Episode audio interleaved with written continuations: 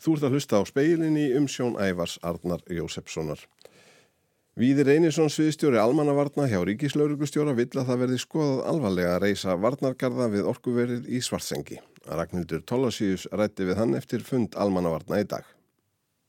Sko staðan eru þetta mjög snúin og eins og alltaf þegar við erum að fást við óljósmerki eða merki um að eldgóð sé hugsanlegt að þá eru þetta alltaf svo erfitt að, að spá fyrir um hvað getur gerst og hvernig hlutinir eru. Við erum, vinnum þetta þannig að við reynum að velta upp öllu möguleikum og skoða alla möguleika sem getur orðið, bæði staðsetningar, magn og tegund og annað slíkt og þetta köllum við sviðsmyndir og, og búin að velta þessu fyrir okkur núna alveg frá því að þessi rína á Reykjanesinu hófst í, í desember 2019 og erum alltaf að bæta í sarpin í því og skoða betur hvað getur gerst. Og fyrsta landrisið í þessu, þessari atbyrgur var einmitt þarna við Þorbjörn og þá, þá skoðum við þessa, þessa möguleika að þarna getur orðið góðs í kringum þetta, þetta virkjanarsvæði og síðan fór aðteglinu þetta bara bæði kom COVID og svo fór aðteglinu alltaf bara í þessi góð sem að síðan urðu við faradagsfjalli, geldingadölum og við Lillarótt en á sama tíma höfum við verið með eh, hópsérfræðinga í vinnu, bæði erfinsta fólk og verkfræðinga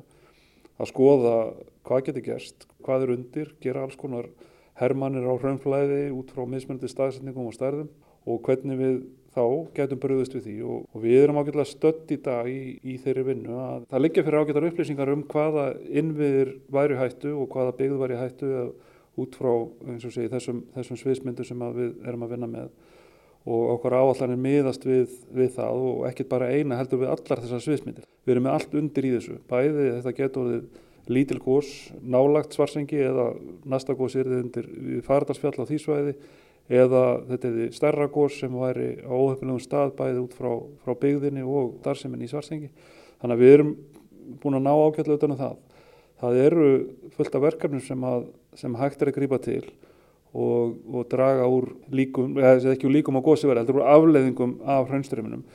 Það þarf alltaf að bera saman kost og galla og hvað er undir í því og það kom ágætla hérna fram í dag hjá bæðastörunum í, í Grindavík, hvað er undir varandi bara fastegnir á, á Reykjaneskaganum öllum í, í tengslum við það ef, ef við varum mjög óhefnum með veður og hitavitan færi og það er mikla frostkendir að, að það eru fastegnir að verða með til þúsund miljardar og þannig að búa 30.000 manns þannig að að það þarf að, að taka þessu alvarlega og, og vera tilbúin að fara í aðgeri sem að jafnvel verði þannig að þær verði bara minnismerki um, um ákvöru sem þurft að taka en, en reyndi síðan aldrei á. Og þannig er ég að vísa til varnargarða sem hefur verið mikið umræðinu og menn hefur verið að, að teikna upp á hanna og fyrir liggur bara ágæðis áallin um hvaða varnargarða var að hægt að gera og hvaða gagg þeir myndu gera við ákvæmna svismyndir og það liggur bara fyrir að það þurfa að taka ákvörðun hvort þið að fara í þær aðgerðir því vegna þess að það eru seint að fara í það þegar að gósið hefst starf, fyrir þessi starri atbyrði.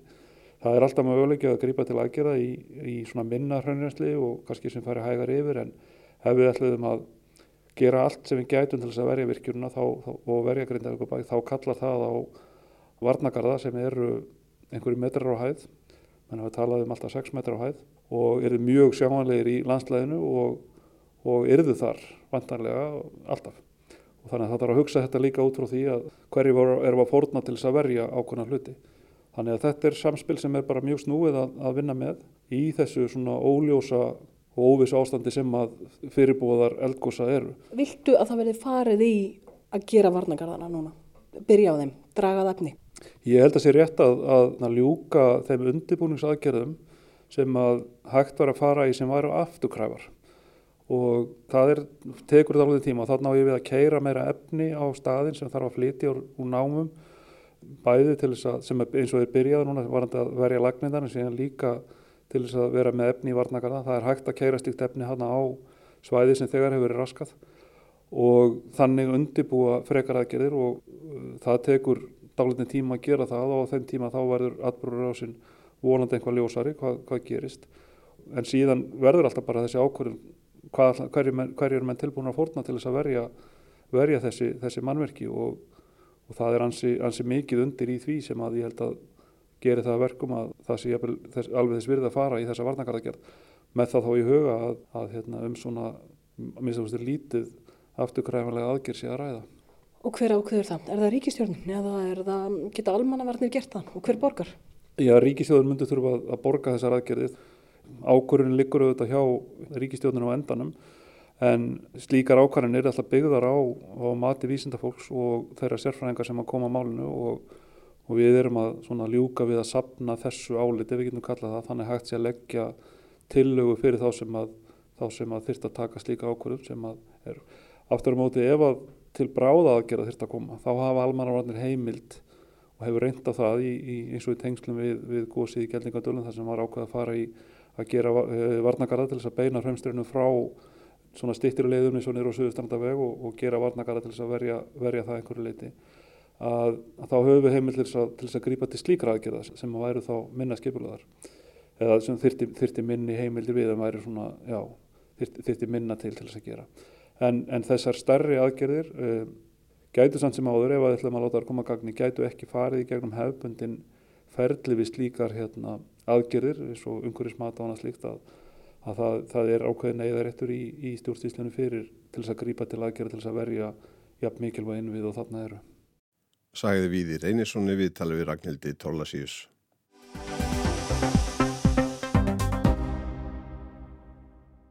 Forsetti Úkrænu mótmælir fullirðingum um að stríðið við innrásarherr Úslands í orðið að þrátefli. Hann kannast ekki við að leiðtóar vestrætna ríkja hafið þrýst á hann um að hefja friðar viðræður við rúsa. Úrsula von der Leyen, forsetti framkvæmda stjórnar Evrópusambandsins, byrtist óvænt í kænugarði, höfuðborg Úkrænu um helgina. Þetta var sjötta heimsóknarnar til landsins frá því að rússar riðust þar inn í februari fyrra. Erindi hennar að þessu sinni var tvíþætt að ræða við Volodymyr Selenski fórseta um stöðu umsóknar Úkrænumanna um aðild að Evrópusambandinu og stöðu stríðsins við innrásarliðið. There's only one thing that we in the rest of Europe must do and that is to stand alongside Ukraine for as long as it takes. Það er aðeins eitt sem við sem búum annar staðar í Evrópu verðum að gera. Það er að standa með Úkrænu eins lengi og þörf krefur, sagði von der Leyen þegar hún ávarpaði úkrænska þingið. Á fundi með frettamönnum eftir ávarpið lísti Selenski yfir áhyggjum af stríði Ísraels og að palestinsku hriðiverkasamtakana Hamas. Það hefði vissulega dreyið aðtiklinna frá ástandinu í Úkrænu og með það væru ráðamenn í Rúslandi sérlega ánæðir. Íð sama nefndan í viðtali í frettathættinum Meet the Press sem bandariska sjónvarpstöðin NBC sendi út í gær. Of course, Russia is very happy with this war. So what they want? They just want to divide the world. Auðvitað eru rússar ánaðir með þetta stríð og hvað er það sem þeir vilja? Þeir vilja sundra samstöðu ríkja í heiminum, sagði fórsetin. Hann viðurkendi að baróta ukrainska hersins við þann rúsneska sættist hægt og margir væru orðnir þreyttir. A lot of people, of course, in the world are tired. It's understandable. Somebody tired on the battlefield, they want to come back home. Somebody tired from European leaders to support Ukraine. Auðvitað eru margir orðnir þreyttir, sagði Selenski. Herrmennirnir á vývellinum eru orðnir þreyttir og þrá að komast heim til sinna nánustu. Sumir eru orðnir þreyttir á leiðtogum Evrópuríkja sem styðja Ukrænumenn. Hann vísaði hins vegar á bug yfirlýsingu eins yfirmanns í herliði hans sem leta hafa eftir sér á dögunum að hann teldi að þrátefli væri orðið í baróttunni við innrásarliðið. Sjelenski sagði enn fremur að fullirðingar um að vestræni leitóar hefðu rætt við hann um að setjast að samningaborðinu með rúsum um að binda enda á stríðið væri úr lausilofti greipnar. Enda sagðan að ekki væri um neitt að semja við þá fyrir en þeir hefðu farið að öllum kröfum úkrænumanna svo sem að hverfa með herlið sitt frá öllum héruðum sem þeir hafa lagt undir sig. Volodymyr Selenski hefur þurft að halda mörgum boltum á lofti frá því hann tók við fórsetta ennbættinu árið 2019. Fram að því var hann eh, þekktur sem fyrir að leika fórsetta Úkrænu í vinsætli sjónvarps þáttaröð. Hann hefur verið vakin og sofin yfir gangi stríðsins við rúsa frá fyrsta degi, ávarpa þjóðina daglega í sjónvarpi og grendinni frá gangi mála, sigurum jæmt sem ósigurum. Á sama tíma hefur hann stjórnað vinnu við betrumbætur á stjórnkerfi landsins svo að það geti fengið aðild að Evrópusambandinu. Annað aðal erindi Úrsula von der Leyen til kennugar sem helgina var að greina ákrennumönnum frá ánægu e, fóristumanna ESB með árangurinn af þeirri vinnu. You have reached many milestones, reforming your justice system, curbing the oligarchs' grip, tackling money laundering and much more. Það við náð mörgum merkum áfengum við að betrumbæta réttarkerfið, losa um tök auðklíkumanna, tekist á við penningaþvætti og margt fleira, sagði fondir lægin. Hún hvaðst full aðdáunar á að þetta hefði náðst á sama tíma og þjóðin stendur í baráttu fyrir tilvist sinni og væri sannfarið um enn meiri árangur á næstunni. If this happens and I'm confident Ukraine can reach its ambitious goal of moving to the next stage in the accession process. Ef þetta næst og ég er sannfærðum að það verður, ná Ukraínumenn því markmiði sínu að færast upp á næsta stig umsoknar ferilsins, sagðun. Stöðuskýrsla um fjölgun ríkja í Evrópusambandinu verður tekinn til umræðu í Brussel á miðvíkudag. Selenski fórseti hvaðst vongóður um að viðræður um aðild landsins að Evrópusambandinu getu hafist fyrir áramót þegar hann ávarpaði þjóðina í gerkvöld. Hann hefði fengið jákvæð skilabóð um að það eitt eftir að gerast. Fyrst þurfti þó að bæta sjö atriði sem bent hefði verið á að ganga þyrti frá. Þar á meðal vantar regluverk um starfsemi þrýstihópa og breytingar á reglum um skráningu eigna. Ásgeir Tómasson tók saman.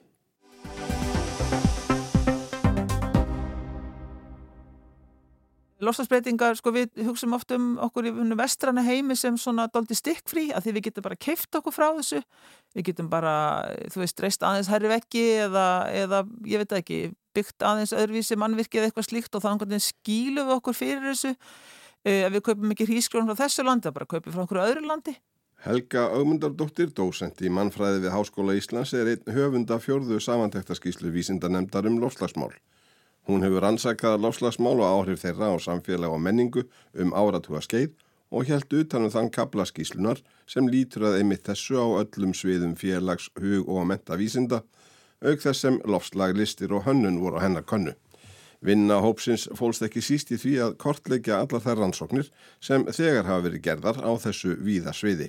Þetta eina stóra sem kom mér uh, jákvægt og óvart sem ég var með glöð yfir var það að allt þetta fræða og vísindafólk á þessum uh, sviðum, fræðasviðum, er sammála um það að það þarf að breyta gildismati fólks til þess að rauninni geta gert það sem þarf að gera í sambandi við losfsbreytingar kerfið okkar, þá er allir kerfi undir, efnahagskerfi, mentakerfi eh, hérna, hugmyndafræðin okkar, öll hegðun náttúrulega sem fylgir uh, gildismætinu. Hvernig við metum líf okkar, hvernig við metum umhverfið, náttúruna, það sem er í náttúrunni, það er náttúru gæði sem við njótum og lifum á.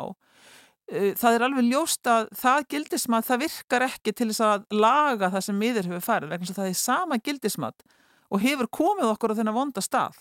Þannig að við þurfum rauninu að breyta, fók, breyta fókusnum, setja hann á uh, aðra hluti heldur en við metum og, og liftum upp núna. Kanski bara hvað lífsgæði þýða, hvað eru lífsgæði? Er það að eiga mestaföllu og sapna og sapna og vera ríkur eða er það kannski að njóta þess litla? Þetta er, svona, þetta er bara svona dæmi um kannski hvernig þetta gildir sem að gæti breyst. En, en það er fyrst og fremst hvernig við horfum á köllum það bara náttúrgæði og hvað, hvað, hvað er málið þið skipta.